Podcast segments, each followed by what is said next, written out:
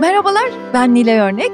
Yeni bir şeyler öğrenmeye meraklı herkesin ilgisini çekeceğini düşündüğüm Nasıl Olunur adlı podcastlerime hoş geldiniz. Bu seride mikrofonu mesleklerini ustalıkla icra ettiğini düşündüğüm insanlara yöneltip onlara aynı soruyu soruyorum. Nasıl olunur? Bu bölümde konuğum jeoloji mühendisi Doktor Serkan Anga. Hoş geldiniz. Hoş bulduk efendim o kadar süredir konuk olmasını istediğim bir insan ki Serkan Bey. Ben bu jeoloji merakımı da anlatmak istiyorum. Ondan sonra bütünüyle Serkan Bey'e vereceğim sözü. Çünkü Derya Deniz şahane anlatıyor. Biz önden konuşmalar yaptık. Ne konuşuruz diye orada bile deli gibi not alarak ve çok keyifle dinledim kendisini. Olur mu Serkan Bey? Ben iki dakika bir anlatayım merakımı. Tabii ki, tabii ki Nilay Hanım. Buyurun. tamam. Ya şöyle maalesef ki ben bu jeoloji işini geç keşfettim. Yani hepimiz okullarda coğrafya okuyoruz ya da benzer bilimlerde biraz böyle ilgilenebilecek alanlarda e, dersler görüyoruz belki de ama ne bileyim şehirde büyümekten mi, şehirde büyürken nerelerden bu işlere bakacağımı görmemekten midir, nedir? Ben 40 yaşında maalesef böyle bir ilgiye mazhar oldum. Şöyle ki taşınıyorduk ve mutfağa afyon şeker mermeri döşetmemiz gerekiyor. Çünkü yarısı öyle, yarısı yok. E sonra ya bu afyon şeker mermeri e, evde var ama yeni gelenler farklı.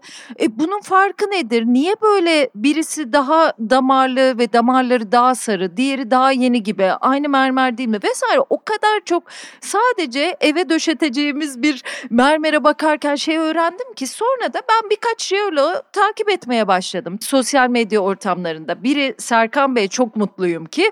Gönenç Göçmengil var. Şehir jeolojisi adında bir etiketi var ben fark ettim ki sağımda solumda işte şehirde yaşıyorum diyorum ama apartmanların içinde çok bildiğim bazı binalarda yoldaki kaldırımlarda bile fosiller var. Taşlarını anlayabiliriz. Oradan bilgi birikimimiz artabilir. Ya ben işte Aydın'da seyahat ederken Çin'de sadece enteresan taşlar ve kayalar gördüğümü fark ederken şehrin her yerinde o gözle bakarsak görebileceğimi fark ettim. Serkan Bey'in işte Twitter'da da hesabını takip eder ederseniz bir bakıyorsunuz Anıtkabir'deki taşları anlatıyor. Bir bakıyorsunuz Ayasofya'daki taşları anlatıyor ve yani bir açlık hissettim, coşku hissettim ama çoğu kaynağın İngilizce olmasına da yani biraz sinirleniyorum. İnsanlar diyor ki Google tercümeyi kullan ama yani öyle bir şey değil. Yani Türkiye'nin mermerini niye ben İngilizce öğreneyim falan filan. Aylardır Serkan Bey'i de davet ediyorum. Bir türlü buluşamadık çeşitli sebeplerle. Şimdi konuğum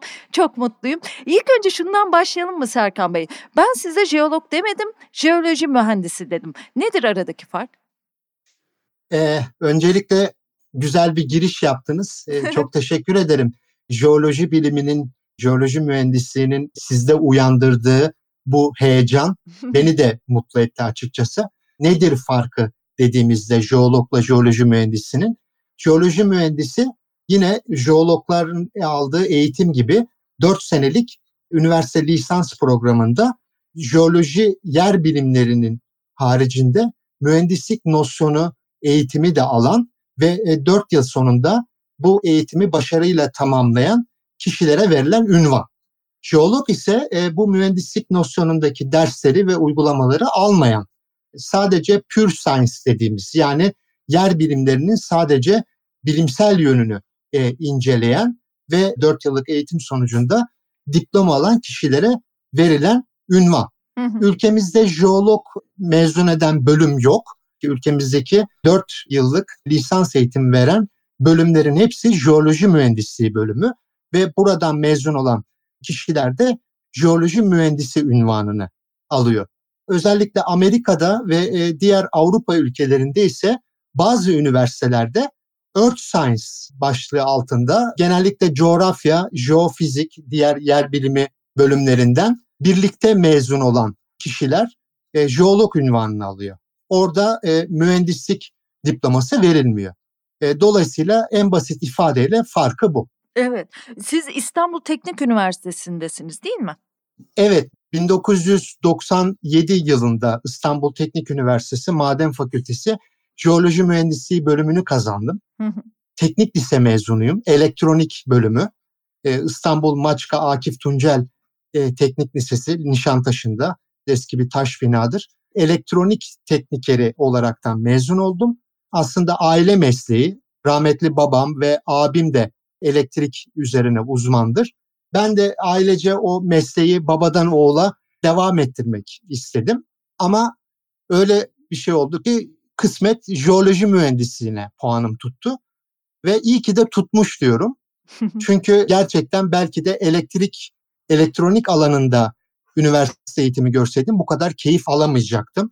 Ve mesleğimi sevemeyecektim belki. Şu an mesleğimi çok seviyorum. İyi ki de jeoloji mühendisliği okumuşum. İstanbul Teknik Üniversitesi'nden 2002 yılında bir yılda İngilizce hazırlık olmak üzere birincilikle e, mezun oldum. Daha sonradan da işin akademisyenlik boyutunu seçtim ve üniversitemde kaldım. E, 2004 yılından bu yana da e, yine İstanbul Teknik Üniversitesi Maden Fakültesi Jeoloji Mühendisliği bölümünde öğretim elemanı olarak görev yapmaktayım. 4 yıllık lisans mezuniyetimden sonra da yüksek lisans ve doktoramı da yine üniversitemde tamamladım. Yani biz de ne şanslıyız aslında böyle olduğu için. Hem de akademisyen tarafınız da var ve öğretici yanınız var. Ben mesela sosyal medyada sizi takip ederken şükrediyorum. Yani sizin gibi sayısalcılar diyebileceğim insanlar sözel bir şekilde de bize bunu anlatıyorlar. En kolay ve en basit yöntemiyle o kadar e, seksi diyeceğim anlatıyorsunuz ki evet. o şeyi. Ben de merak duyuyorum. Çünkü bu işler aslında ülkemizde böyle sadece uzmanlık alanı gibi Evet tabii ki öyle ama öyle görülüp bizim gibi halktan insanlara çok da ım, ulaşmıyor. Ama sizler gibi insanlar sayesinde daha basit de anlatılınca daha şehirle yaşadığımız yerle yan yana anlatılınca bambaşka oluyor. Ben de onun için biraz böyle bu bölümde girişini yapalım dedim. Bu bölümü dinleyen insanlar da biraz meraklansın istedim. Biz Serkan Bey'le de konuşurken o bana öyle güzel şeyler anlattı ki mesela kültürel jeoloji diye bir şey var. Jeoturizm var. Keşke müzelerimiz olsa bunlardan konuştuk. Ee, biraz da ben az çalışabildim. Bir nasıl olunur bölümünde çok çok yetersiz de hissediyorum ama Serkan Bey o açıdan beni çok çok tamamlayacak. Karşımda o var. İlk önce şöyle bir sorayım. Bizler dışarıdan insanlar belli bir yaşa geldik. Sizin gibi eğitim almadık ama nereden başlayalım öğrenmeye? Sizin oyuncaklarımız dediğiniz şeyler var. Yani kayaçlar, mineraller gibi gibi. Oradan mı başlayalım? Nereden öğrenmeye başlayalım? Şimdi öncelikle hiç de hazırlıksız değilsiniz. E, oldukça konuya e, ilgilisiniz. E, zaten e, ifadelerinizden o gözüküyor. Kültürel jeoloji, jeoturizm gibi kavramlara da e, aşina olmuşsunuz. Hı hı. Şehir jeolojisi gibi, urban jeoloji olarak bilinen son e, dönemlerde oldukça jeolojinin popüler çalışma alanlarından biri olan bir konu. Dolayısıyla aslında sayısal sözel kavramından bahsettiniz. Yani tamam biz bir mühendislik eğitimi alıp mezun oluyoruz ve sayısal puanla e, bu bölümü kazanıyoruz. Ama kanımca benim şahsi düşüncem bir mühendis aynı zamanda sözel eğitimden de donanımlı olmalı diye düşünüyorum. Yani bir felsefe bilmeli, sosyoloji bilmeli, psikoloji bilmeli, sanat bilmeli, sanattan anlamalı, ilgilenmeli. Dolayısıyla sözel bölümleri de onların aldığı eğitimlerden de az da olsa hani çorbaya atılan baharatların e, türleri gibi bir tutam e, kazanmalı diye düşünüyorum. Yani bir estetiği olmalı, görgüsü olmalı, e, fotoğraf çekmeli, e, ne bileyim e, çeşitli hobileri olmalı. Dediğim gibi sanata ilgi duymalı, resime, müziğe, tiyatroya. Dolayısıyla aslında sözel bölümün eğitiminde de mutlaka bir mühendisin donanımlı olması olacağını düşün nen biriyim. Kişisel görüşüm bu. Bence de öyle. Tabii. Dolayısıyla böyle monoton sadece sayısal mühendislik işte tasarım yapayım, hesap yapayım mantalitesinde olan bir mühendis değilim açıkçası. Kendimi her gün geliştirmeye çalışıyorum. Yani diğer konularla da ilgili. Jeoloji mühendisleri birçok zamanını arazide, doğada geçirdiği için biraz da tıptan anlamalı, ilk, ilk yardımdan anlamalı. E, kendi yaralandığı zaman veya yanındaki bir arkadaşıyla beraber çıkıyorsa eğer araziye ona müdahalede ilk yardım bilgisi de temel ilk yardım bilgilerini de bilmesi gerekiyor hmm. diye düşünüyorum. Dolayısıyla aslında e, jeoloji mühendisleri hem bir e, sözel anlamda e, felsefeci, ne bileyim sosyolog, insan kişiliğinden anlayan sürekli çünkü arazi de olsa, kırsal kesimde de olsa insanlarla iç içesiniz.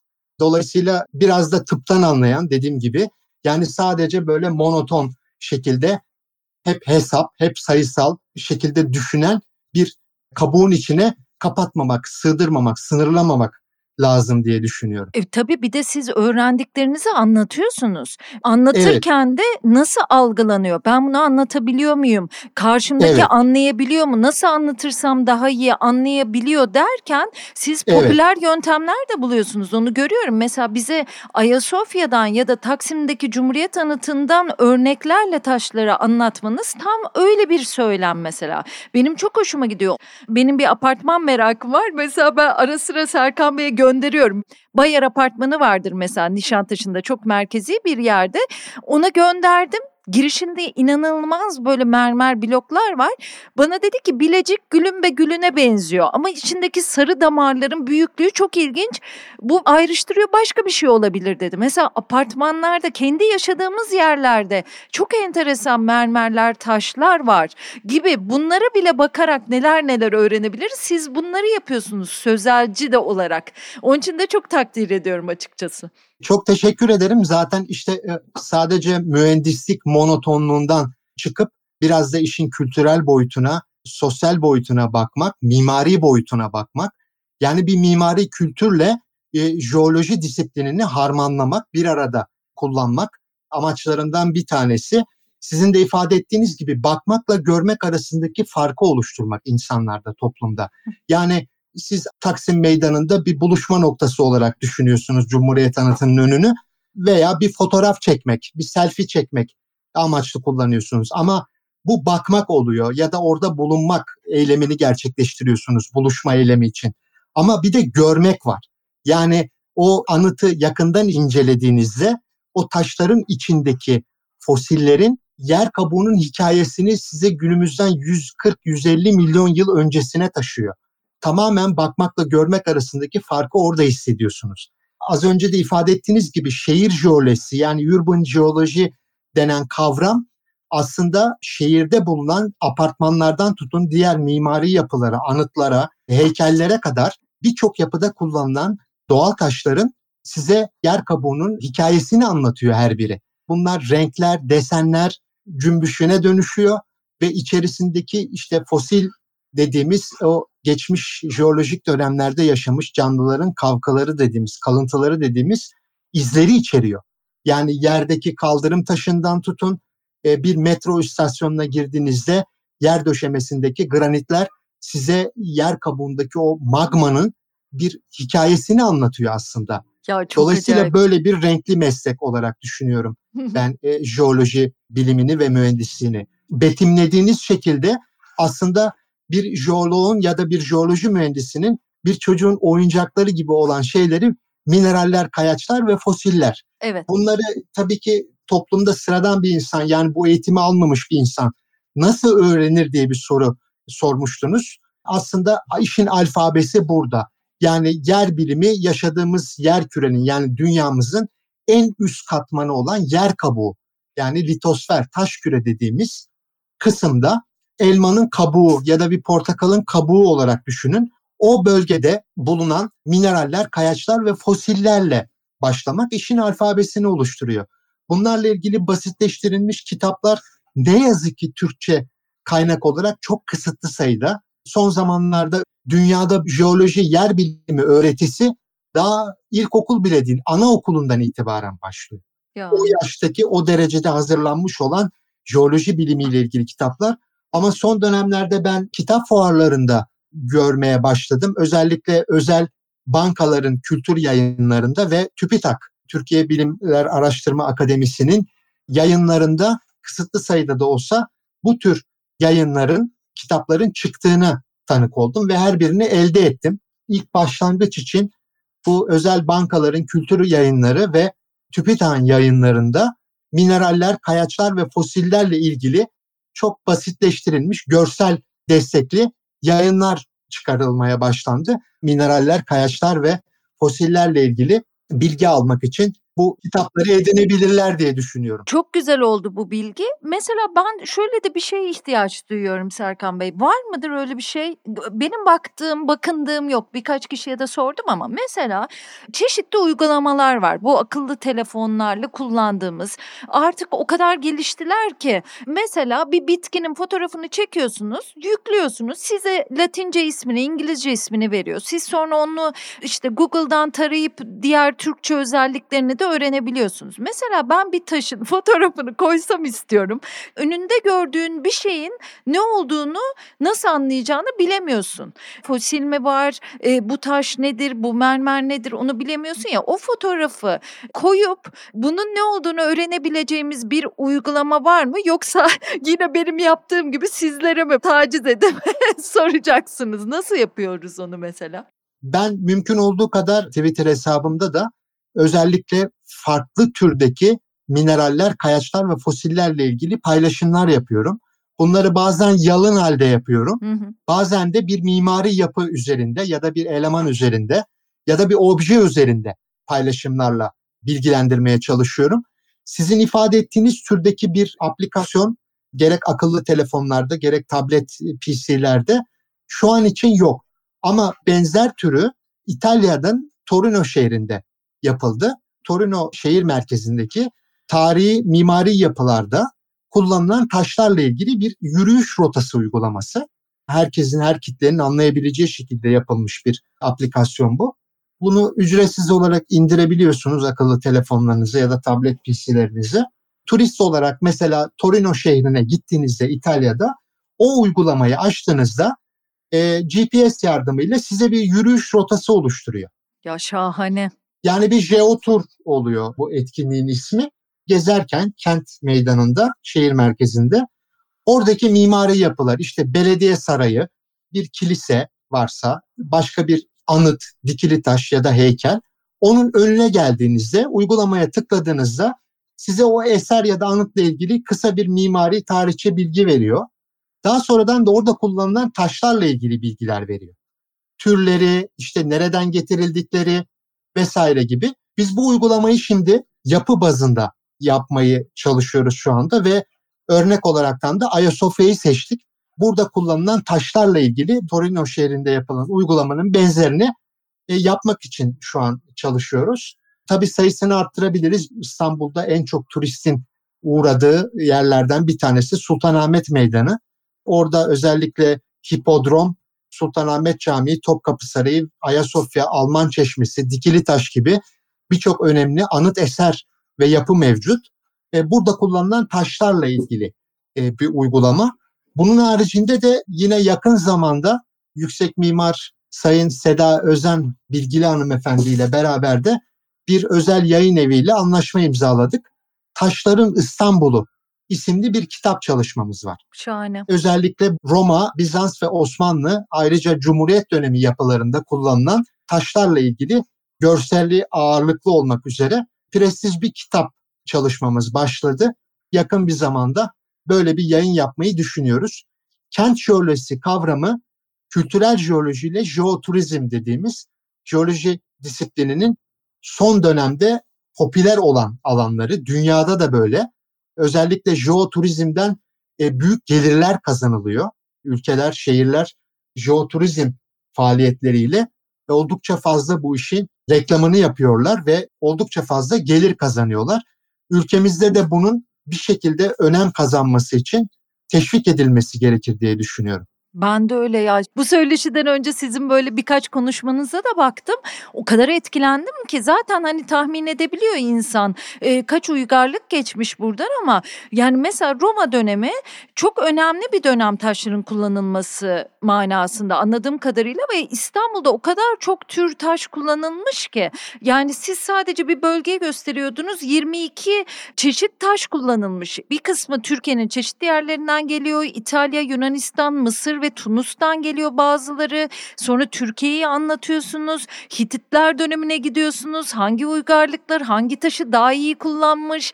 Ben o kadar etkilendim ki Derya Deniz sadece İstanbul bile anladığım kadarıyla açık hava bir doğal taş müzesi şeklinde. Yani ben bile şu Beyoğlu'nda gezerken İTÜ'nün gümüş suyundaki kampüsü ben size göndermiştim hatırlıyor musunuz? Ya bu duvardaki taşlarda bir şeyler olmalı Serkan Bey diye. Siz oradaki fosilleri bana yazmıştınız. İnsan böyle bakmayı öğrendikçe ne kadar zengin olduğunu görüyor ve çok seviniyorum. Yani düşünün elimizin altında böyle bir kaynak var jeoturizm açısından sadece İstanbul bile. Diğer kentler Anadolu'nun çeşitli yerleri baksak baksak neler görürüz. Bir de bu jeopark olayını konuşalım istiyorum. Kula Salihli'deki UNESCO Global Jeopark'ından bahsetti bana Serkan Bey. Ne kadar güzelmiş ama onu size sorayım ben. Jeopark nedir? Neresi jeopark olur? Park deyince bizde başka başka tahayyüller olabiliyor ya. Siz tam anlatsanıza bir yerin jeopark olması için hangi özellikleri sahip olması gerekir ve bir jeoparka gittiğimizde neler görebiliriz? Aslında sizin de ifade ettiğiniz gibi birazcık bir yanlış anlama var bizim jeopark tanımlamasında. Şimdi biz e, jeopark deyince içinde kelimenin park olunca zannediyoruz ki bir çocuk parkının içine kayaçlar, mineraller, bir açık hava müzesi e, evet. şeklinde işte gezilen yerlere biz jeopark diyoruz. Bu yanlış bir tanımlama. Gerçek anlamda jeopark, jeosit denen yani jeolojik miras niteliğindeki jeolojik oluşumların ki sadece jeolojik oluşum değil, bunun içine botanik, bitkiler, zooloji yani hayvan çeşitleri, türleri de giriyor. Bir kompleks halinde düşünmek lazım. Yani birden fazla jeosit öğesinin içinde bir müzenin de bulunduğu, açık hava müzesi olur, bu kapalı alan olur, e, bir müzenin bulunduğu bir entegre, kompleks şekilde düşüneceğimiz bu ögeleri içeren e, alanlara biz jeopark diyoruz. Ülkemizde de sizin ifade ettiğiniz gibi bir tane şu anda Manisa ilinin Salihli ilçesindeki Kula e, Jeoparkı özellikle geçmiş dönemlerde faal aktif olan Kula volkanının orada oluşturduğu volkanik oluşumların birden fazla jeolojik miras niteliğindeki jeosit öğesinin bulunduğu bir kompleks. E, Çin'e bakıyoruz dünya genelinde UNESCO'ya kayıtlı yüzün üzerinde neredeyse belki 150'ye yakındır şu anda jeoparkı var. Ve bunu o kadar güzel kullanıyorlar ki jeoturizm faaliyetleri kapsamında ülkeye müthiş bir e, jeoturizm geliri kazanıyorlar. Ülkemiz sizin de ifade ettiğiniz gibi sadece tabii ben İstanbul örneğini verdim. Anadolu aslında doğal taşların kullanıldığı yer, ilk kullanıldığı yer. Bunu yakın geçmişte Göbekli Tepe'de tanık olduk. Günümüzden 12 bin yıl öncesinde taşı aslında insanlar kullanmış. Onlarla işte T şekilli megalitler yapmış. Daha sonra bakıyorsunuz Hitit uygarlığı e, inanılmaz derecede heykeller yapmış. Yine yapılarında doğal taşı kullanmış. Kaya rölyefleri, kabartmaları yapmışlar. Tabi doğal taş altın çağını Roma İmparatorluğu döneminde yaşamış. Helen yani eski Yunan İmparatorluğu da kullanmış ama onlar daha çok beyaz mermerleri, renkli taşları çok tercih etmemişler ve daha çok heykel üzerine bunu yapmışlar. Uygarlıkları beşiği olarak tanımlanan Anadolu doğal taşın ilk kullanıldığı coğrafya. Yani bunu nereden söylüyoruz? Efes gibi, Afrodisyas gibi, Bergama gibi antik şehirlerin bir heykelcilik okulu da varmış. Yani o dönemde bile taşı işleyen, taş öğretisi veren e, okullar kurulmuş bu topraklarda, Anadolu topraklarında. Ülkemiz arkeolojik alanlar, tarihi alanlar, sit alanları, öğren yerleri, antik şehirler yönünden zengin olmasının yanı sıra jeolojik oluşumlarla birçok alanı jeopark olabilecek e, özelliklere ve niteliklere sahip bölgelerimiz var. Yani Kapadokya gibi, Pamukkale gibi, e, gene biraz doğuya gittiğimizde Nemrut, Süphan, Erzurum, Narman bölgesindeki yine e, Kapadokya'daki peri bacalarına benzer jeolojik oluşumlar var. E, buralarla ilgili değerli hocalarımızın çalışmaları var. Ama şu anda bir tane sadece sizin de ifade ettiğiniz e, Manisa Salihli'deki Kula Jeoparkımız mevcut. Bunların sayısını arttırmak gerekiyor. Gerek e, insanların bilgilendirilmesi, jeoloji ve yer bilimleri hakkında ve diğer meslek disiplinleri hakkında bütüncül olaraktan donanım kazanması diyelim ve tabii ki ülkemize jeoturizm geliri kazandırması açısından çok önem arz ettiğini düşünüyorum. Ya bizde jeoloji biraz depreme indirgendi ya. Sadece onunla ilgili bir şeymiş yer hareketi gibi hissediliyor ama mesela biz Serkan Bey'le önden konuşurken bir doğa tarihi müzesi hayalinden de bahsettik. Ee, Emrah Çoraman'la da böyle bu tür bilimleri konuşurken bundan bahsetmiştik. Ne kadar çok ihtiyacımız olduğundan. E, bizler o müzelere giderek çocuk yaşlarımızda belki başka bilinçlere sahip olacağız değil mi? Her şey bir yana. Yani e, tabii ki turizm gelirinden oluyoruz. Ülkenin güzel zenginliklerini gösteremiyoruz. Kendimiz göremiyoruz, tanıtamıyoruz, anlatamıyoruz. Bir taraftan da e, bilinçlenmemiz de mümkün olmuyor tabii ki bunları görmediğimiz, anlamadığımız, bakmadığımız için de. Kesinlikle size katılıyorum.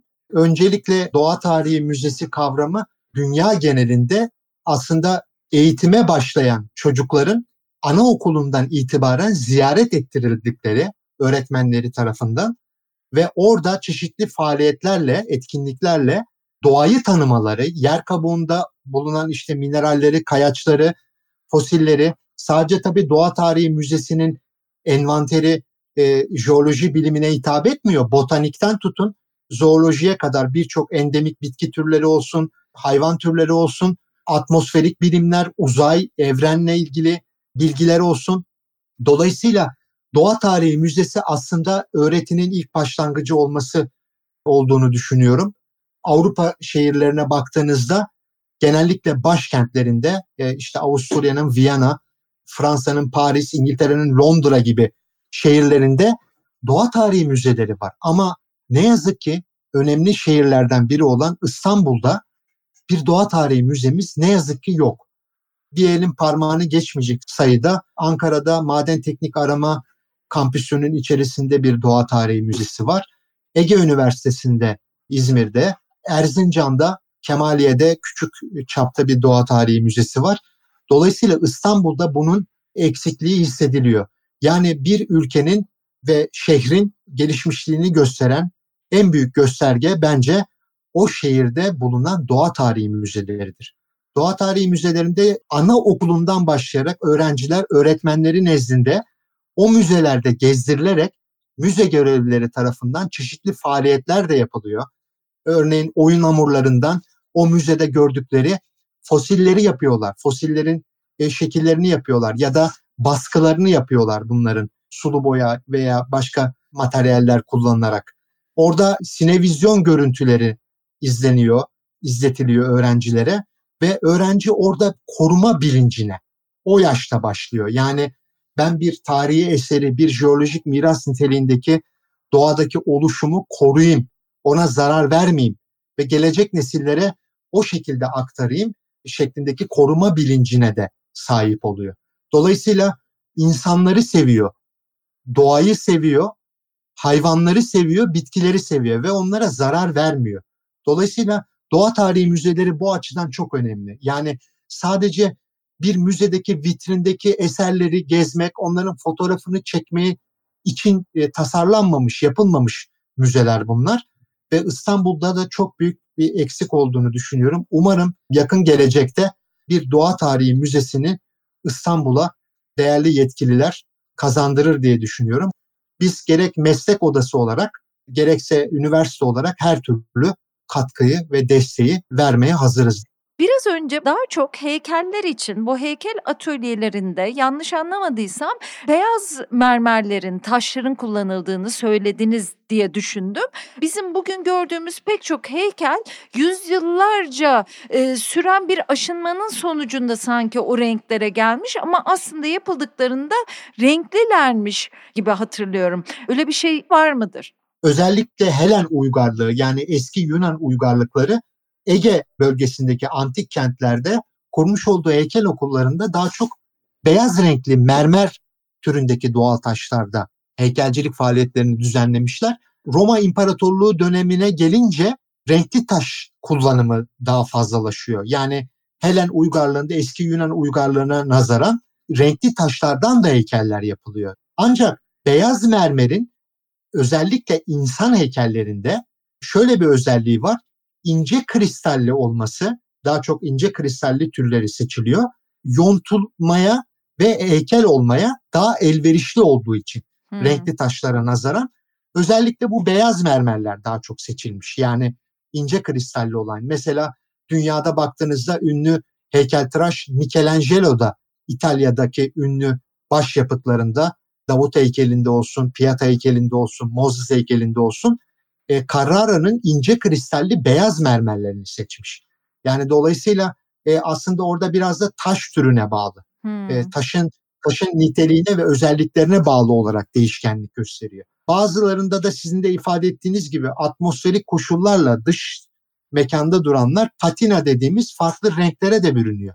Biz ona taşın üzerindeki o kir birikintisi ya da patina birikintisi diyoruz. E, onlar da sizi yanıltabiliyor taşın e, orijinal rengiyle.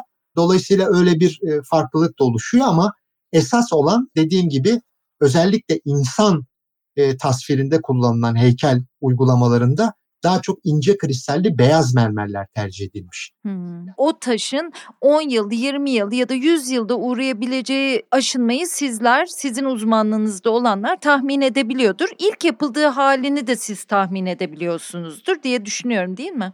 Doğru. İnsanlar gibi taşlar da aslında hastalanıyor. Taş hastalıkları konusu var.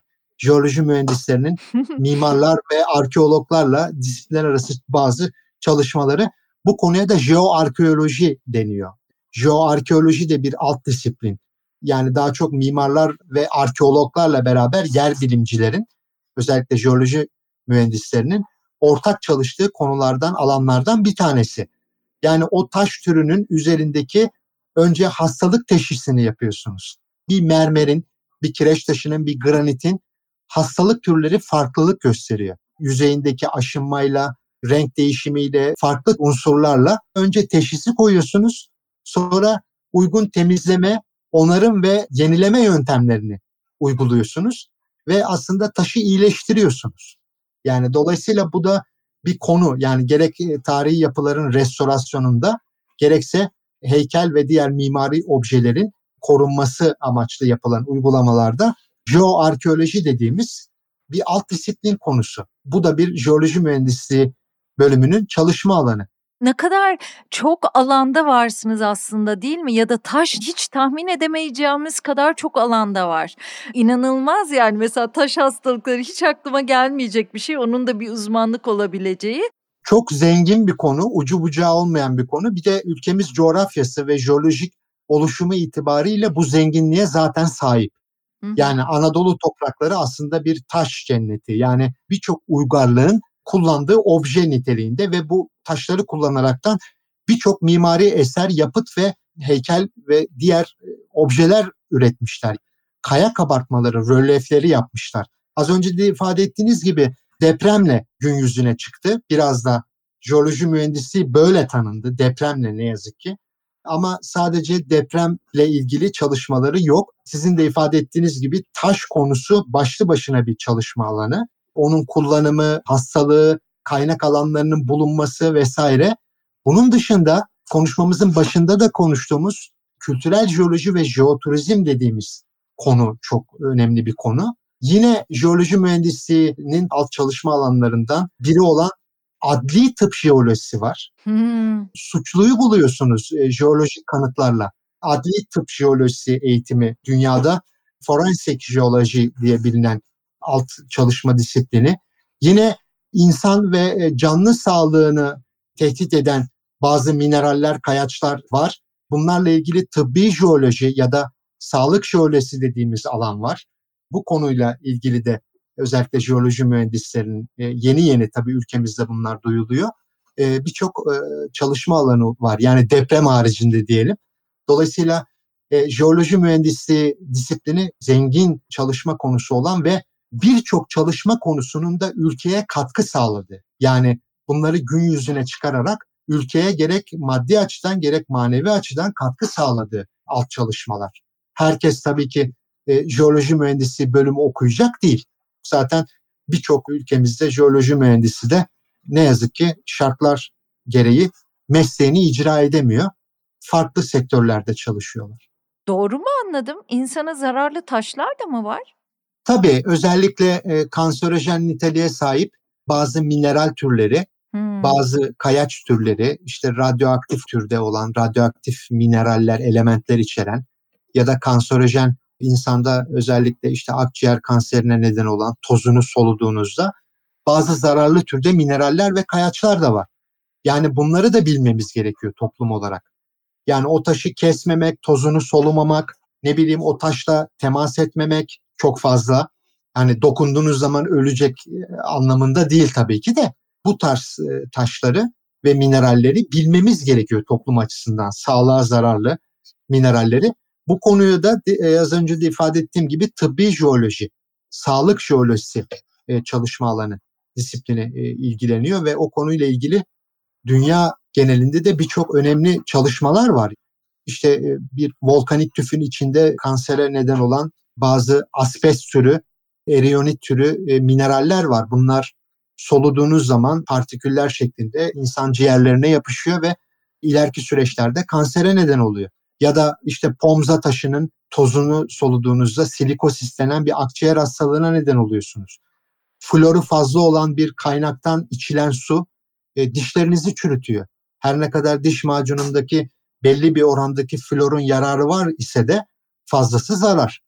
Dolayısıyla bazı taş türleri tiroid dediğimiz guatr hastalığına neden oluyor insanlarda. Bunlarla fazla e, temas etmemek gerekiyor. Dolayısıyla bu konuyla ilgili de tıbbi jeoloji, sağlık jeolojisi e, çalışmalar yapıyor mesleğimiz e, bünyesinde. Ay Serkan Bey ben biraz açlığımı doyurmak için bu programı yapmak istemiştim şu anda. 20 kat daha çok şeyi merak ediyorum. Yani size ne soracağımı şaşırdım. Doğal taşlar meselesini şu açıdan da sorayım. Pek çok yerde görüyorum popüler olan taşlar var. İnsanlar kolyelerine takıyorlar, ellerinde tutuyorlar, e, yatak başlarına koyuyorlar. Onların sağlık getirdiğini düşünüyorlar. Yüze masaj yapılan taşlar var. Onlar konusunda ne diyebilirsiniz?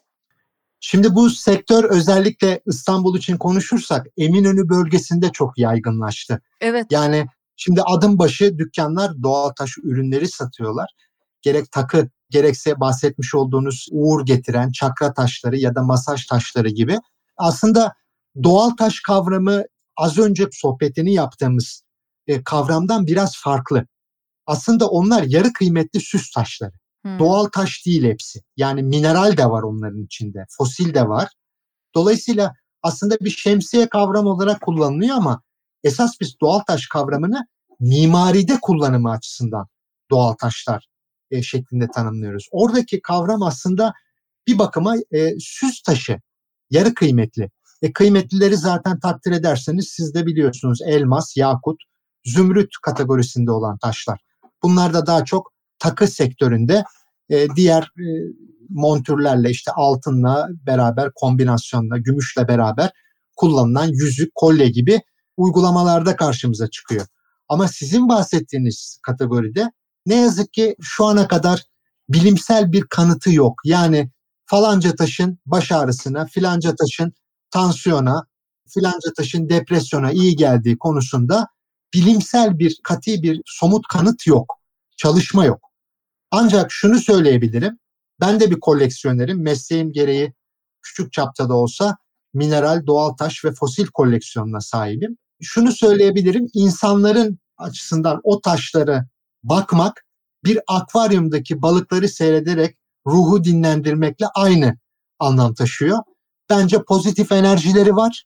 İnsanları renkleriyle ve görüntüleriyle e, ışık üzerinde yapmış olduğu oyunlarla cazip ediyor ve moralini düzeltiyor diye düşünüyorum. Sadece insan üzerindeki etkisini kişisel görüşüm bu şekilde açıklayabilirim. Moral veriyor, pozitif enerji veriyor. Ama diğer türlü bu taş e, şu hastalığa iyi geliyor, şu tedaviye iyi geliyor gibi e, şeyler aslında bilimsel bir kanıtı olmadığından dolayı pek inandırıcı gelmiyor açıkçası. Bu doğal taş süs taşı ayrımını yapmamız da çok hoş oldu. Daha yeni Tahtakale'ye gittim. Ya eskiden Tahtakale'de ne satılıyordu dedim. Yani o kadar çok telefon kılıfçısı ve süs taşı satan dükkan olmuş ki inanılmaz evet. değil mi? İkisinden oluşan bir karması var artık yani Tahtakale'nin. Çok enteresan. Kesinlikle öyle. Tabii ki bir de e, konunun uzmanı olmak gerekiyor birazcık. Çünkü sahteleri de var. Hmm. Yani doğal taş görünümünde olan camlar, boyalı camlar ya da o kalitede o taş üzerinden pazarlanan e, taklit malzemeler de söz konusu. Bu konuda dikkat etmemiz gerekiyor. Biraz konuyu anlamamız gerekiyor. Gerçekten aldığınız taş bir lapis lazuli mi? Gerçekten aldığınız bir taş e, pembe kuvars mı? Ya da e, başka türdeki bir yarı kıymetli süs taşı mı? Buna dikkat etmeniz gerekiyor. Yani e, taklitleri de çok fazla sayıda mevcut. Peki e, bunu denetleyen bir kurum var mıdır? Mesela görüyorum internette hani bu yüze masaj taşları e, sertifikalarla satılıyorlar. Ama o sertifikalara şöyle ben büyüttüm bir baktım. E, çok uyduruk görünüyor pek çoğu. Yani sertifika sanki ben de evimde yapmışım da bir yazıcıdan almışım gibi bir şey. Şimdi orada bir kurumun onayı yok ya da işte bu işin doktorunun, e, bir e, jeoloji mühendisinin, bir jeoloğun ya da işte jeolojinin tıp alanıyla ilgilenen bir insanın onayı, bir kurumun onayı yok. Değil mi? Türkiye'de böyle bir onay sistemi var mıdır taşlar açısından? Sadece değerli taşlar açısından e, var. Özellikle pırlanta sektöründe ve renkli değerli taşlar işte yakut gibi, zümrüt gibi, safir gibi değerli taşların olduğu, süs taşların olduğu sektörde var. Hmm. E, onun dışındakilerde çok dediğiniz gibi denetleyen bir kurum ya da sertifika veren bir kurum olduğunu ben en azından bilmiyorum ama e, değerli taşlarda e, böyle bir sertifikalandırma mevcut. Yani sahtelik açısından yanıltmamak için alıcı kitlesini. Ama diğer e, gruptaki taşlar için ne yazık ki ben en azından bilmiyorum. Tabii denetleme kısmına gelirsek de o konuda da pek fazla açıkçası zaten fiyatı belli ediyor kendini. Yarı kıymetler için bahsediyorum. Yani 10 TL'ye satılan bir bilekliğin çok fazla doğal taş olacağını düşünmüyorum. Ama dediğim gibi eğer gerçekten doğal taşsa fiyatı o derecede artıyor. Evet ben de şöyle düşündüm. Şimdi fiyat farklarını gördüm onlara bakarken.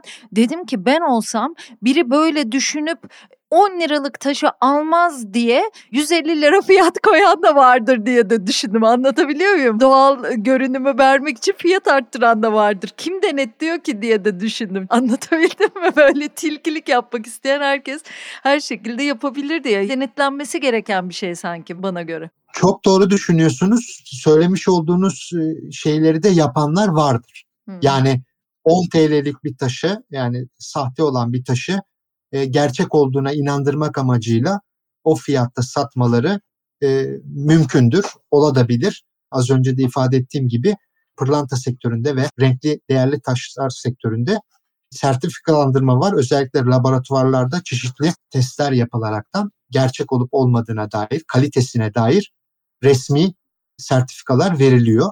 Ama e, diğer yarı kıymetli taşlarda da bunun aslında yapılması iyi olur diye düşünüyorum. Evet, keşke. Hem de yeni iş alanları da açılır. Değil mi bu sizin alanlarınızdan mezun olan insanlara başka işler de yani potansiyellerini harcamazlar diye de düşündüm. Kesinlikle öyle. Uzmanlıklarını korurlar. Mesela isim vermeyeceğim, vermem de doğru olmaz. Eminönü'ndeki bir taşçının danışmanı var. Kendi bünyesinde maaşla çalıştırıyor. Jeoloji mühendisi. Hmm, Taşların güzel. işte gerçek olup olmadığına dair kontrol ediyor. İthal ettikleri taşlarda herhangi bir hile, ve benzeri taklit durumu olduğunda tabii konu onu da aşıyorsa üniversitelere başvurup ileri teknikte analizler yaptırtabiliyorlar. Hmm. Ama bünyelerinde istihdam eden e, bir firmanın jeoloji mühendisi var yani. Özellikle taşlar konusunda. E, değerli taşlar sektöründe de bu çok fazla. Özellikle bizim kız öğrencilerimiz mezun olduklarında en fazla çalıştıkları sektörlerden bir tanesi. Mesleğini yapanlar için konuşuyorum yarı değerli ve e, değerli e, süs taşı sektörü. Kapalı çarşıdan tutun işte Çemberli Taş'a Eminönü'ne kadar oradaki özellikle özel yarı kıymetli ve kıymetli taşları altın ve gümüşe işte ham madde olaraktan veren yüzlük taşı olarak, kolye taşı olarak gibi e, bu sektörlerde bizim kız öğrencilerimiz, mezunlarımız çalışıyor. Hmm. Niye özellikle kız? Bu sektörde kadınlar mı daha çok tercih edildiği için? Yani aslında öyle bir tercih nedeni yok ama özellikle takıya erkeklere nazaran kadınlar daha çok meraklı. Ve de tabii presentable olayıyla da alakası var. Birçok parametre var aslında. Nedenlerden bir tanesi de arazideki zor çalışma koşullarından dolayı bu sektörü tercih ediyorlar. aslında bir bakıma iyi de yapıyorlar. Başarılılar da çok başarılı öğrencilerimiz de var bu sektörde çalışan. Demin adli tıptan bahsettik. Adli tıp jeolojisi.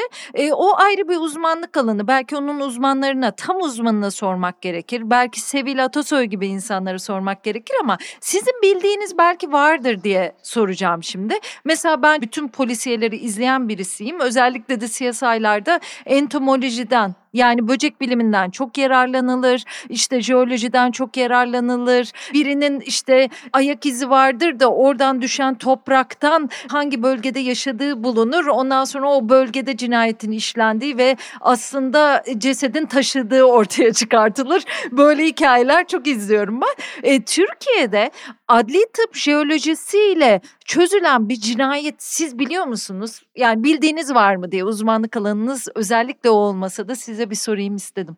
Benim bildiğim yok ama bahsetmiş olduğunuz uzman olan bu konuyla ilgili Profesör Doktor Sayın Sevil Atasoy Hoca'nın geçtiğimiz dönemlerde bir TV dizisi vardı. Kanıt isimli.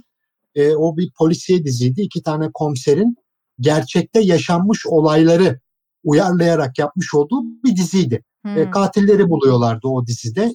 Bazı bölümlerinde de ben izledim. Adli tıp jeoloğunun çalışma konusunda olan e, ve onun çözdüğü cinayetler vardı. İşte bir insan ayakkabısının e, altına sıkışmış olan kil ve toprak dediğiniz e, malzemenin niteliğiyle cinayetin işlendiği bölge ya da bir arabanın lastiğine bulaşan parçayla bazı cinayetler açığa çıkarıldı adli tıp jeolog uzmanlarının e, yardımlarıyla. E, dünyada ise siz de biliyorsunuzdur medyada yansıdı. Usama Bin Laden'in bir e, videosunda arkasında bulunan kayaçların türlerinden bir jeolog yerini tespit etti mesela. Tam örneğini vermişken siz Trump'ın gitmesi döneminde Beyaz Saray bir basıldı ya. Pek çok uzman insan Elazığ vişne mermeri varmış e, Beyaz Saray'da dediler. Elazığ'dan mermerin gittiğini mesela öyle bir şey de öğrendim ben. Ne kadar ilginç geldi bana da. Kesinlikle doğru. Beyaz Saray'da Türk taşları kullanılmış. Bunlardan bir tanesi de ünlü Elazığ vişne mermerimiz. Hmm. En fazla doğal taşı ihraç ettiğimiz ülkelerden bir tanesi de Amerika Birleşik Devletleri. Hmm. Yani oradaki birçok mimari projede mimarlar Türk taşlarını tercih etmişler. Moda kavramı vardır mimaride doğal taş kullanımında. E, bir dönem mesela traverten modaydı. Yani e, Amerika'da yapılan birçok mimari e, projede e, Türk travertenleri kullanıldı. İşte Denizli traverteni, Burdur traverteni gibi. Dolayısıyla bu aslında piyasadaki arz talep meselesine ve modaya bağlı. Hmm. Bir ara mesela Eskişehir'in Süpren mermeri, e, Süpren köyünden çıkan Salome isimli e, mermeri çok e, modaydı. İnanılmaz derecede Amerika Birleşik Devletleri'ne ihraç edildi. Ama sonra bir modası geçti, taş unutuldu. Dolayısıyla biraz da modayla mimari projelerdeki mimarların taş seçimiyle alakalı. Mimaride doğal taş kullanımı. Mesela ben Kemal Sunal'ı çok severim. Çok eğiticidir bence her bir filmi. Ee, çok önemli mesajlar verir. Güldürmesinin yanı sıra. Kapıcılar Kralı filmini izlerken apartmanın giriş kapısının hemen içerisinde duvarda kaplı olan pembe renkli bir taşı gördüm. Aa dedim bu Bilecik Gülümbe Gülü. Orada mesela taşı tanımladım. Farklı bir gözle baktım. Ya da en Büyük Şaban isimli bir filmi var. Kör bir e, çiçekçi kızla oynadığı. Orada mesela Topkapı Sarayı'nın Babu Hümayun kapısından ya da Babü Selam'dı tam emin değilim. Çıkarken köşede ince böyle yeşil renkli serpantin bireşinden sütunların altında bir parçanın kırık olduğunu gördüm. Sonra gittim günümüzde Topkapı Sarayı'nı ziyarete o parçanın tamir edildiğini gördüm o mermerin. Yani orada bir şekilde bir gözlemle yani kendi mesleğim açısından baktım. Böyle filmlerde de e, bazen oluyor. Başka şeyler de oluyor. Taş deyip geçmemek lazım. Tabii bakınca çoğumuzun apartmanında var yani. Keşke apartman temizlenirken hep bilsek mermer neyle temizlenmez. Hepsinin bir uzmanlığı var aslında. Yani mesela Bakırköy küfeki taşı değil mi? Ne kadar önem veriyorsunuz ona? Günümüzdeki İstanbul olmazdı belki de Bakırköy küfeki taşı olmasaydı diyorsunuz. Çok doğru bir kere sırayla gidecek olursak e, taşların temizliğiyle ilgili de bir uzmanlık konusu demiştim. Taş hastalıkları ve onun teşhisi ve onları temizleme yöntemleri de tarihi yapılarda özellikle bir uzmanlık konusu. Karbonat bileşimli olarak tanımladığımız mermer türündeki işte bir Marmara mermeri olabilir bu ya da bir kireç taşı, bilecik beji olabilir. Bunları tabii ki tuz ruhuyla temizliyor bazı insanlarımız. Yani hidroklorik asit dediğimiz, e, kezzap dediğimiz malzemeyle e, bu taşa zarar veriyor. Ya da e, mutfak tezgahında bir afyon şeker kullanıyor. E, bu sirke, limon gibi asidik etkiye sahip malzemelerle etkileşime giriyor ve zarar görüyor, lekeleniyor. Yani bir granit gibi dayanıklı değil asitlere karşı. Dolayısıyla bunların en azından e, türünün niteliğini bilmek ve ona göre temizlemek gerekiyor. İkinci unsur çok önemli bir unsur.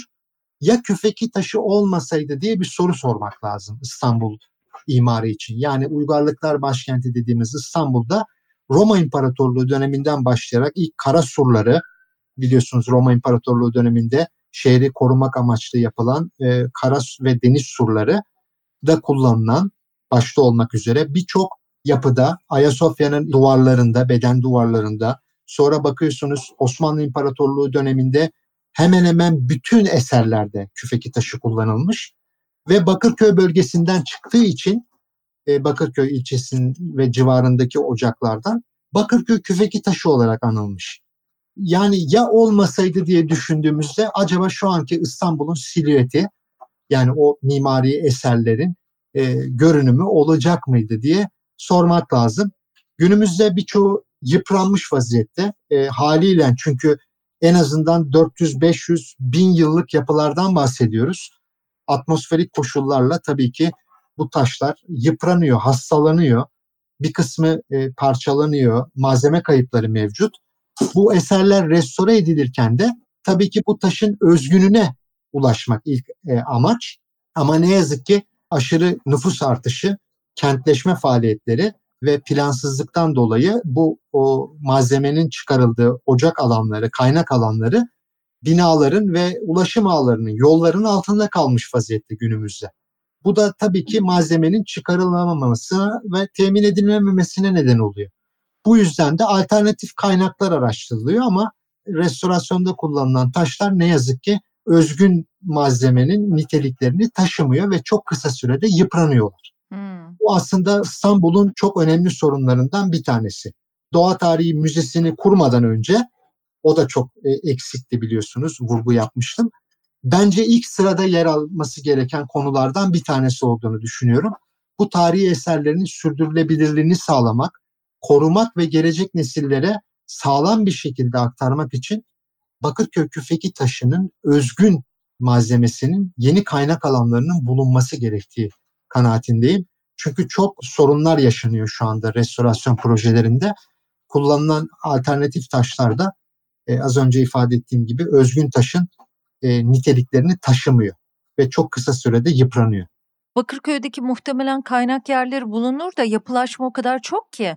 Bizans döneminin Heptamonu işte Bakırköy daha sonra Makriköy oluyor. Pek çok taş işçisi orada çalışıyor. O da çok bilinen bir şeydir Bakırköy hakkında. Bugün tamamen şehirleşmiş bir yer e, bir taraftan da değil mi?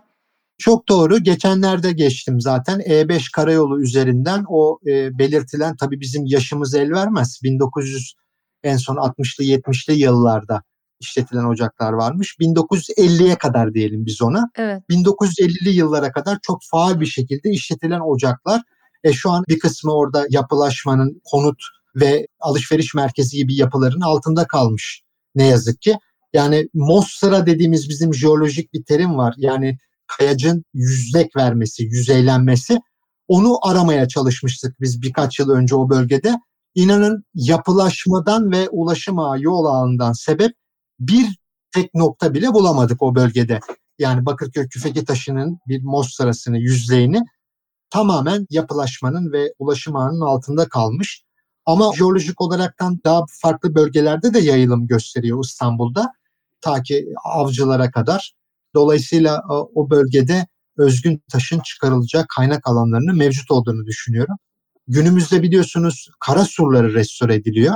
Bazı yerlerinde biliyorsunuz yıkılmalar oldu o surların onarımı ve sağlamlaştırılması söz konusu. Keza Osmanlı'nın birçok önemli mimari eseri Sultanahmet Camii, Süleymaniye Camii, Topkapı Sarayı, buralarda da Bakırköy küfeki taşının yoğun, yaygın bir şekilde kullanıldığını görüyoruz ve biliyoruz.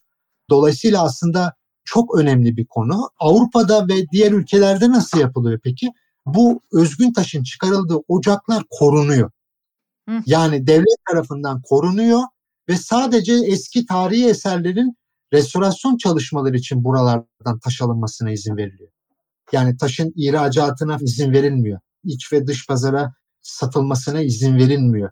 Sadece tarihi eserlerdeki kullanım amaçlı ve orası imara açılmıyor, korunuyor. Yani o ocaklardan malzeme çıkarılıyor ve tarihi eserlerde restore ediliyor özgün malzemeyle. Zamanındaki planlama çalışmaları yapılırken en azından birkaç ocağın, ocak alanının imara açılmaması ve korunması gerektiğini düşünüyorum. Açıkçası şahsi görüşüm. Ama artık iş işten geçmiş. Sadece Bakırköy küfeki taşı için değil, hereke pudingleri. Mesela hereke pudingi denen bir taşımız var bizim böyle. ne güzelmiş ismi. Evet zaten ismini Noel pastasından alıyor. O da böyle pudinge benzediği için pudding stone denmiş daha sonradan da. Özellikle çakılları böyle yuvarlak formda. Bizim hereke pudingimiz de kırmızı bir bağlayıcı çimentosu var doğal. Bir çakıl taşı aslında o. Çakılları yuvarlak formda olduğu için o pastadan esinlenerek puding taşı denmiş. İzmit'in e, Kocaeli'nin Hereke bölgesindeki ocaklardan çıkarılıyormuş. Osmanlı döneminde Marmara Adası mermeri Bakırköy küfeki taşından sonra en fazla kullanılan doğal taş türü mimari yapılarda İstanbul'da. Ama Hereke pudingi de ne yazık ki günümüzde otobanın altında kalmış ocakları. İstanbul-Ankara otobanının. Dolayısıyla onun da kaynak alanlarını e biz daha önceki çalışmalarımızda gene o taşın çıkarılacağı yerleri bulduk. Otobanın altında kalanları artık tabii geri getirmek mümkün değil ama o bölgedeki jeolojik oluşumun farklı noktalarda da mostra verdiğini ve buradan e, uygun malzeme niteliğinde özgün malzemelerin temin edileceği ile ilgili üniversitedeki hocalarımızla e, ortak e, çalışmalar yaptık. Dolayısıyla bu iş için aslında çok da geç değil ama bu konulara önem vermek gerekiyor. Şunu da merak ettim siz söylerken. Mesela bizim çeşitli tarihi yapılarımızda yurt dışından gelmiş ve gelen taşlar da var. İtalya'dan ya da Mısır'dan taş aldık. Bir Avrupa ülkesinden örnek vereyim. İtalya'dan mesela bir taş var restore edilmesi gerekiyor.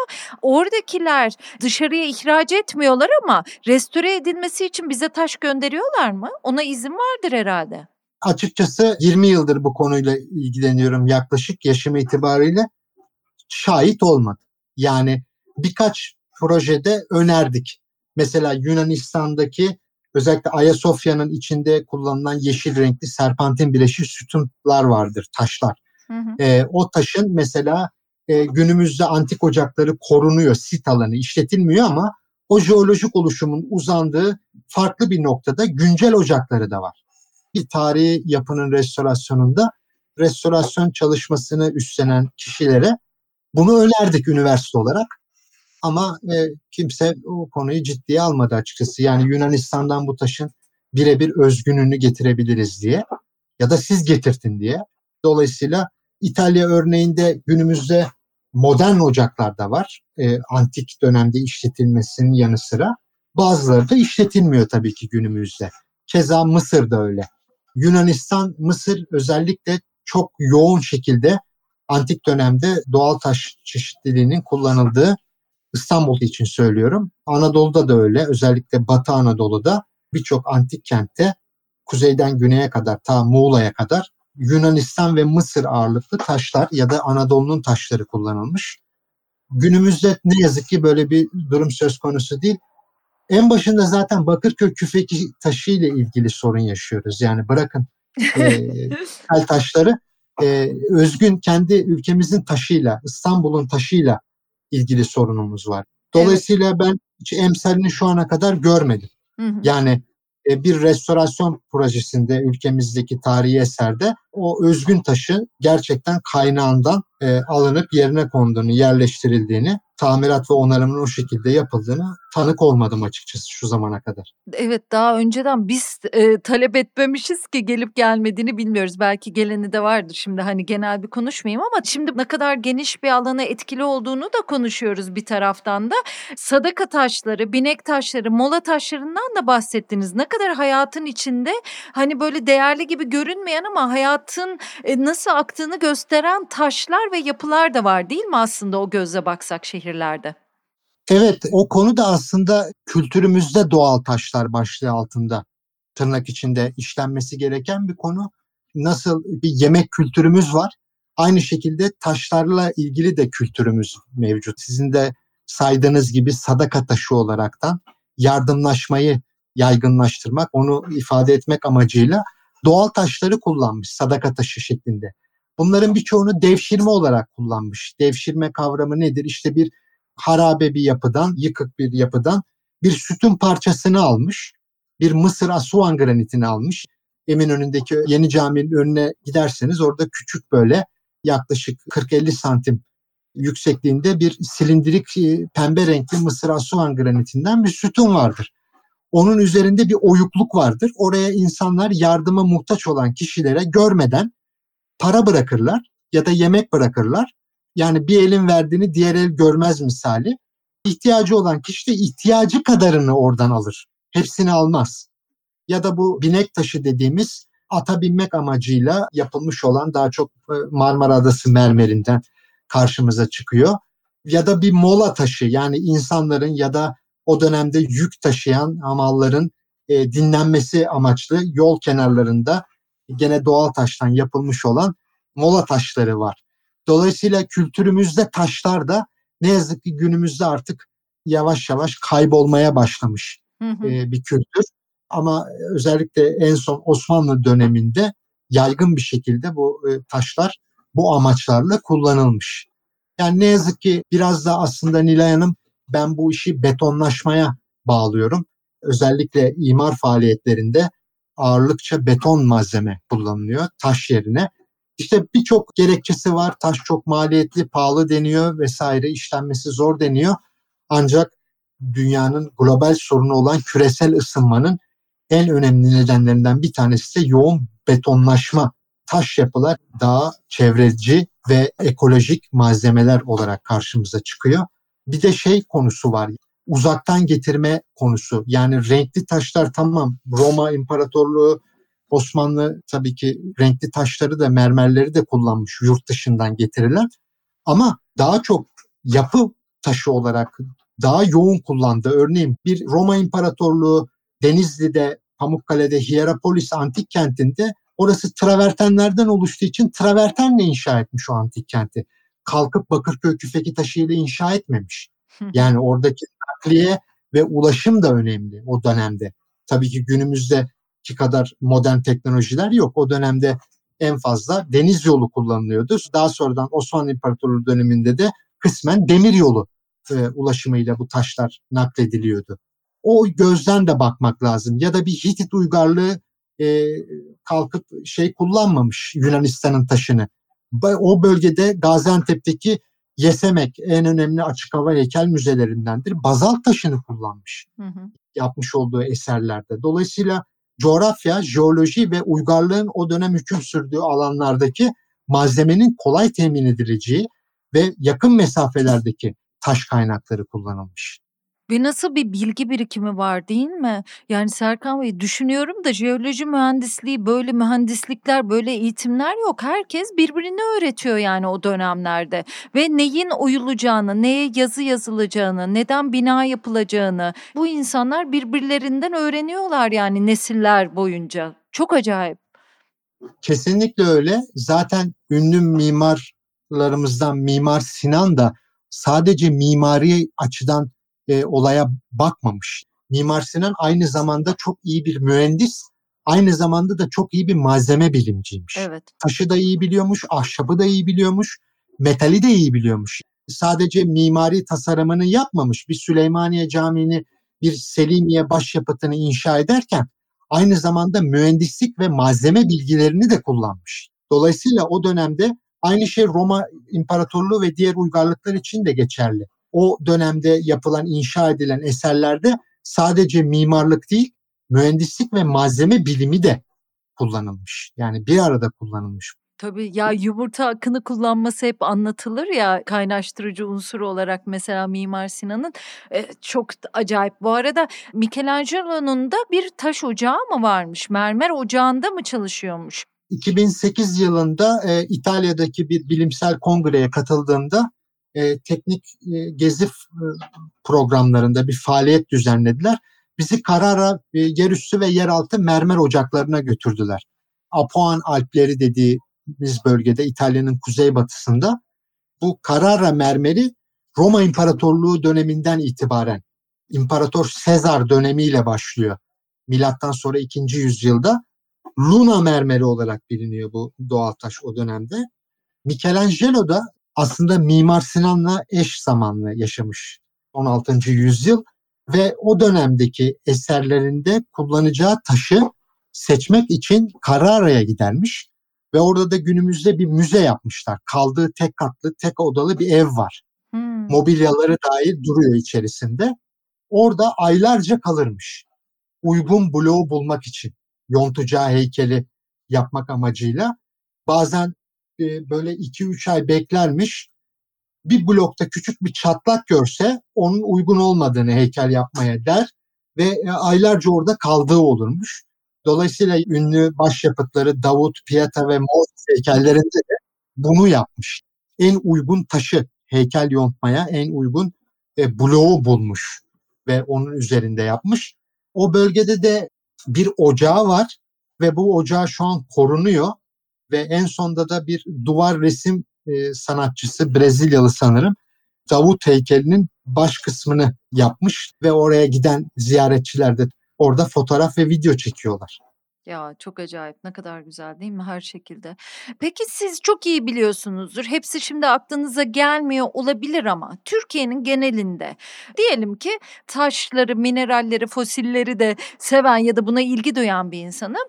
Nerelere gitmeliyim, görmeliyim? Ya Nilay mesela Erzincan'a git, Muğla'ya git, Afyon'a git. Nereleridir buralar? Mutlaka görmem gereken yerler. Sizin de ifade ettiğiniz gibi mutlaka Doğu Anadolu'da bir Erzincan'ı gezmek lazım. Hı. Erzincan'dan Erzurum'a gitmek lazım.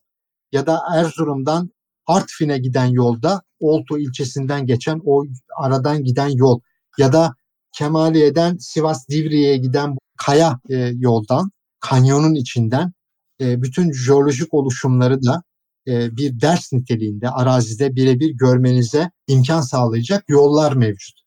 Yani keza antik şehirler çok önemli. Yani Batı Anadolu bölgesinde.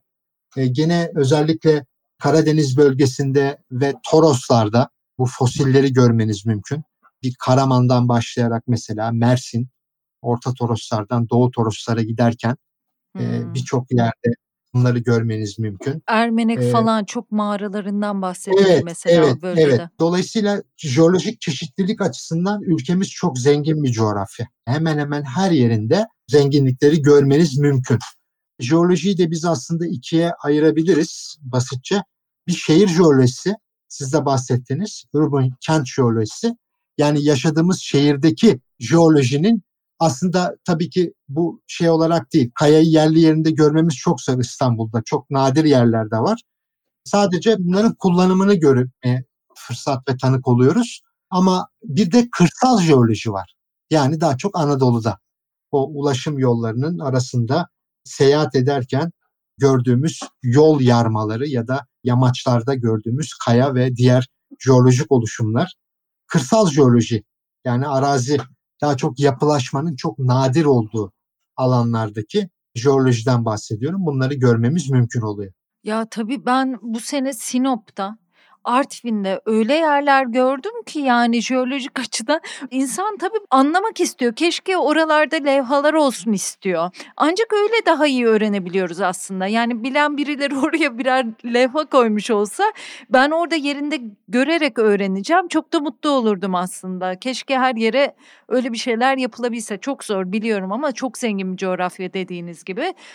Bu arada şunu da sorayım. Yayın içinde çok bahsettik. Yani bir jeoloji mühendisi hangi alanlarda çalışabilir? Ne kadar zengin aslında istenilse değil mi? Özellikle bu kültürel jeoloji alanına eğilsek ya da işte yeni yeni çıkmakta olan kitaplar e, bize bu karmaşık dünyayı, büyük dünyayı diyeyim daha doğrusu daha basit anlatabilecek kitaplar, bunların yayıncılığı hepsi birer alan olabilir. Ama genellikle bir jeoloji mühendisi hangi alanlarda çalışır? Benim de konuşmalarımda sürekli tekrar ettiğim şekilde birçok uygulama alanı var. Aslında basına ve medyaya deprem bilimci olarak birazcık lanse edildi. Jeoloji mühendisliği bölümünden mezun olan kişiler sadece depremle ilgili çalışıyor diye. Ama söyleşimizde de e, birçok çalışma alanının olduğunu ifade ettik zaten. Yani bir jeoloji mühendisi 4 yıllık lisans eğitiminden sonra üniversitede gördüğü nerede çalışabilir? Yani iş olanakları, iş alanları nedir dersek iki ana başlık altında e, ayırabiliriz. Bir kamu sektörü, ikincisi de özel sektör. Kamu sektöründe örnek kendimi verebilirim. İşin akademisyenlik boyutunu seçebilir. Yani üniversitelerde e, akademisyen, öğretim elemanı, öğretim görevlisi olarak da e, çalışabilir. E, ya da e, kamu kurumlarında jeoloji mühendisliği ile ilgili uygulamaları olan bunların en önemlilerinden bir tanesi Maden Teknik Arama Genel Müdürlüğü, MTA yani, Devlet Su İşleri, DSİ, Karayolları Genel Müdürlüğü, gibi kamu kurumları ve jeoloji mühendisliği disiplinini özellikle uygulamada çalışma konularında ele alan kamu kurumları. İşte AFAD bu alanlarda. Özel sektörde ise az önce de ifade ettiğim gibi yarı kıymetli ve kıymetli süs taşları, doğal taşlar mimaride kullanım açısından, bunların ocaklardaki üretiminden ta ki pazarlanmasına kadar olan ki süreçlerin farklı noktalarında. Gene e, sadece tabii yeraltı zenginliklerimiz doğal taşlar değil, metalik madenlerimiz var. Bunlar endüstriyel ham maddelerimiz var. Mesela hiç konuşmadık. Endüstriyel ham maddeler kategorisinde olan bor madeni. Ülkemiz e, dünyada en fazla rezerve sahip olduğu söyleniyor. Yüzde 60 65 civarında metalik madenlerden bahsettik. Sonra enerji ham maddeleri çok önemli. Yani gelecekte e, fosil yakıtların tükeneceği söyleniyor. Bunlar için alternatif enerji kaynaklarına ihtiyaç var. Yenilebilir enerjilerden de bahsedebiliriz. İşte rüzgar ve güneş enerjileri başta olmak üzere jeotermal sıcak sulardan e, elektrik üretimi ve ısıtma sağlanması. Tabii ki madencilik faaliyetleri toplumda biraz endişeli ve şüpheyle bakılır. Çünkü çevreye tahribat verdiğinden dolayı genel bir e, sorun zaten bunu mümkün olduğu kadar sürdürülebilir nitelikte yapmak, doğayı fazla zarara, tahribata uğratmadan yapmak, ihtiyaç kadar çıkarmak ve o madeni işletmek önemli diye düşünüyorum. Dolayısıyla yani hiç de yapılmaması bence manasız çünkü günlük hayatta kullandığımız her şeyin içinde bir parça da olsa maden mevcut. Dolayısıyla bunun da tamamen hiç yapılmaması taraftarı değilim açıkçası. Ama düzgün bir şekilde, sürdürülebilir bir şekilde ve çevreye fazla tahribat ve zarar vermeden yapılması taraftarıyım. Bor madeni özellikle az önce de ifade ettiğim gibi günümüzde binden fazla alanda kullanılıyor. Özellikle uzay teknolojisine de geldiğimiz dönemlerde o sanayiden tutun evde kullandığımız birçok üründe, cam malzemede, mutfak malzemelerinde, çamaşır toz deterjanının içinde bor madenini görüyoruz. Özellikle Batı Anadolu bölgesindeki Provence'de jeolojik oluşum itibariyle Eskişehir, Bursa, Kütahya ve Balıkesir bölgesinde yoğunlaşmış vaziyette bu oluşumlar ve oradaki madenlerden işletiliyor. Ama ne yazık ki çok fazla bu madenleri işleyecek teknolojik altyapıya sahip değiliz. Bu yüzden dolayı da katma değer sağlayamıyoruz çok fazla. Ama ileriki süreçlerde yapılacak olan yatırımlarla bu bor madenlerinin de ülkemize çok fazla ekonomik açıdan katkı sağlayacağı e, kanaatindeyim camın ya da seramiğin içindeki ısıya dayanıklılığı arttırıyor galiba değil mi bor? Bor cam deyince hepimiz anlarız işte e, fırına girebiliyor gibi öyle bir madde. Bir taraftan siz bahsettiniz bu e, jet roket yakıtı gibi alanlarda kullanılıyor. Fotoğrafçılıkta bildiğim kadarıyla ve temizlik o beyazlatıcılık hep bordan geliyor diye bilirim mesela. Bir de geçenlerde Twitter'da sormuştum ben.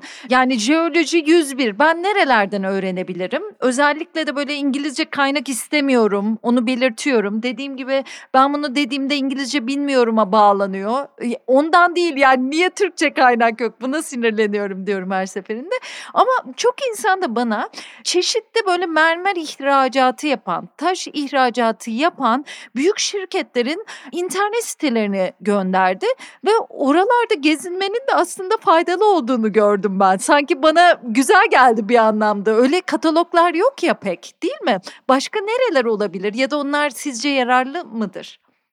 Tabii o olayın bir parçası. Yani tamamı bütünlüğü teşkil etmiyor tabii, diye düşünüyorum. Hı hı. Ama çeşitlilik katacağına görgülenmek amaçlı, bilgilenmek amaçlı, biraz daha bilgi dağarcığını bu konuyla ilgili genişletmek amaçlı faydalı olacağı kanaatindeyim.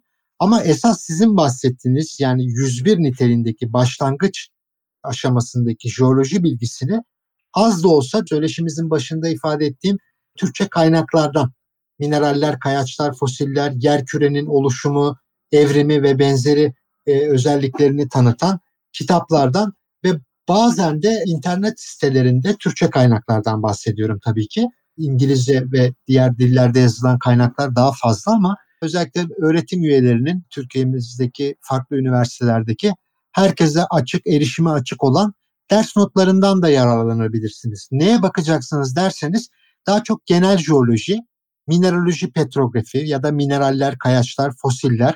Fosilleri inceleyen bilim dalına da paleontoloji diyoruz biz. Veya jeoloji mühendisliğine giriş ya da jeolojiye giriş, yer küre, yer kürenin yapısı, evrimi gibi anahtar kelimeler kullanaraktan internette de bununla ilgili hazırlanmış ve herkesin erişimine açık ders notlarından da Türkçe kaynak olarak yararlanabilirsiniz.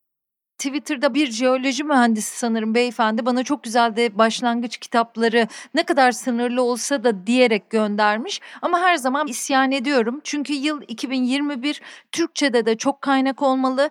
Türkiye'nin mermerlerini doğal isimleriyle öğrenmek istiyorum. Kuşları da aynı şekilde. Bunu kuş bölümümüzde de söylemişimdir. Gibi gibi. Peki sona gelelim Serkan Beyciğim. Çok güzel böyle bir zihin açıcı yayın yaptık bence. Bir başlangıç yayını yaptık. Siz de bilgi ilgi Derya Deniz saatlerce konuşuruz. Ben de size saatlerce sorarım.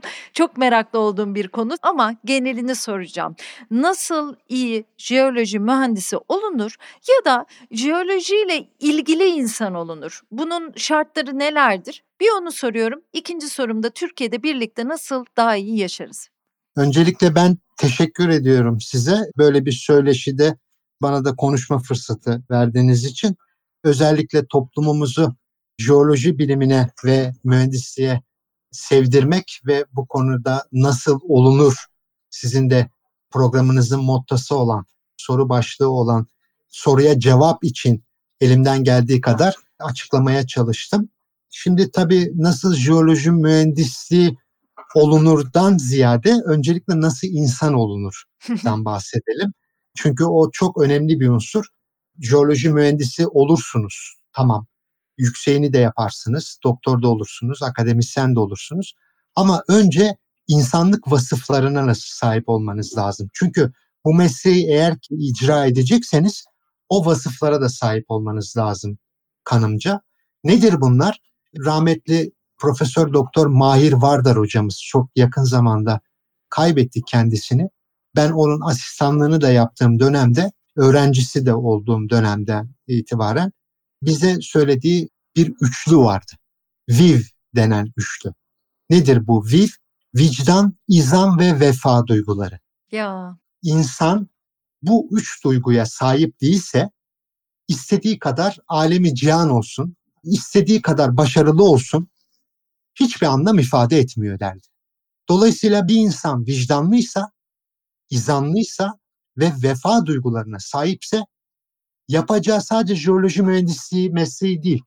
Her türlü meslek, herhangi bir meslek olursa olsun başarılı olur ve ülkeye de topluma da yararlı bir birey olacağı kanaatindeyim. Yani vicdanlı olan bir insan hayvan sevgisi olan bir insandır. Bitkiye ve diğer insanlara zarar vermeyen, onların haklarını koruyan ve gasp etmeyen, dolayısıyla severek yaşayan, sabah uyandığı zaman aynaya baktığında gülümseyen, iyi ki varım, iyi ki doğdum diyen ve dışarı çıktığında sosyal hayata, toplum içine çıktığında insanlara gülümseyen, selam veren, bunu bir e, zorluk olarak düşünmeyen, özür dilemeyi bilen, yaptığı hataya da özür dilemeyi bilen e, insan bence jeoloji mühendisliğinde ya da diğer mesleklerde başarılı olur diye düşünüyorum. Ülkemiz nasıl bir arada yaşamakla daha ileri gider sorusuna da bu vasıfları toplum olarak hepimizin kazanmasıyla olacağını düşünüyorum ve teşekkür ediyorum. Ya şahane işte diyorum sayısalcının sözelci de olması gerekiyor diye ne kadar güzel söyledi. Serkan Bey çok güzel bir özet oldu. Gerçekten vicdan, izan, vefa hepimize lazım. Birlikte yaşamak için lazım. Ee, ben diğer özeti de yapayım. Serkan Bey'le e, böyle ara ara konuşurken e, bunları söyledi farkına varmışsınızdır. Doğa sevgisi önemli, insan sevgisi önemli. Araziyi sevmek, korumak, koruma hissine sahip olmak önemli. Yani dünya dünyayı koruyacağız, birbirimizi koruyacağız, zarar vermeyeceğiz. E, ben dalış yapardım. Dalışta öğretilen ilk kurallardan biriydi. Bulduğun şeyi bulduğun yere bırak, alma, götürme diye. O bile bir korumanın parçası. Sosyal bir insandır jeolog demişti daha önce Serkan Bey. Köylüsüyle, yerel ağzıyla konuşur bazen. Onlarla iletişim kurar, konuşkan olmalı, sorar, fotoğraf çekmeyi sever, e, izleme kabiliyeti olmalıdır e, gibi e, görüşleri de vardı. E, ara ara söyledi de zaten iyi bir sosyolog olmalı, psikolog olmalı, felsefe bilmeli. Her telden belki de konuşabilir ulaşabilmeli e, gibi bir şeyleri de ben ekleyeyim ve koleksiyoner bir insanda olmalı değil mi? Sizin de koleksiyonlarınız var gibi ara maddeleri de ben söyleyeyim, eklemiş olayım ama çok güzel özetlediniz. Tekrar teşekkür ediyorum. Bu e, jeoloji ilgisine başlangıç bölümü olsun pek çoğumuz için. Ben açlığımı daha da arttırdım. Şimdi nasıl doyuracağımı bilmiyorum. Keşke daha küçük yaşta bu alana ilgi duysaydım diyorum. Çok sağ olun Serkan Bey. Ben teşekkür ederim. Sevgiyle, bilimle ve jeolojiyle kalın diyorum. Hoşça kalın diyorum. Çok sağ olun. Teşekkürler.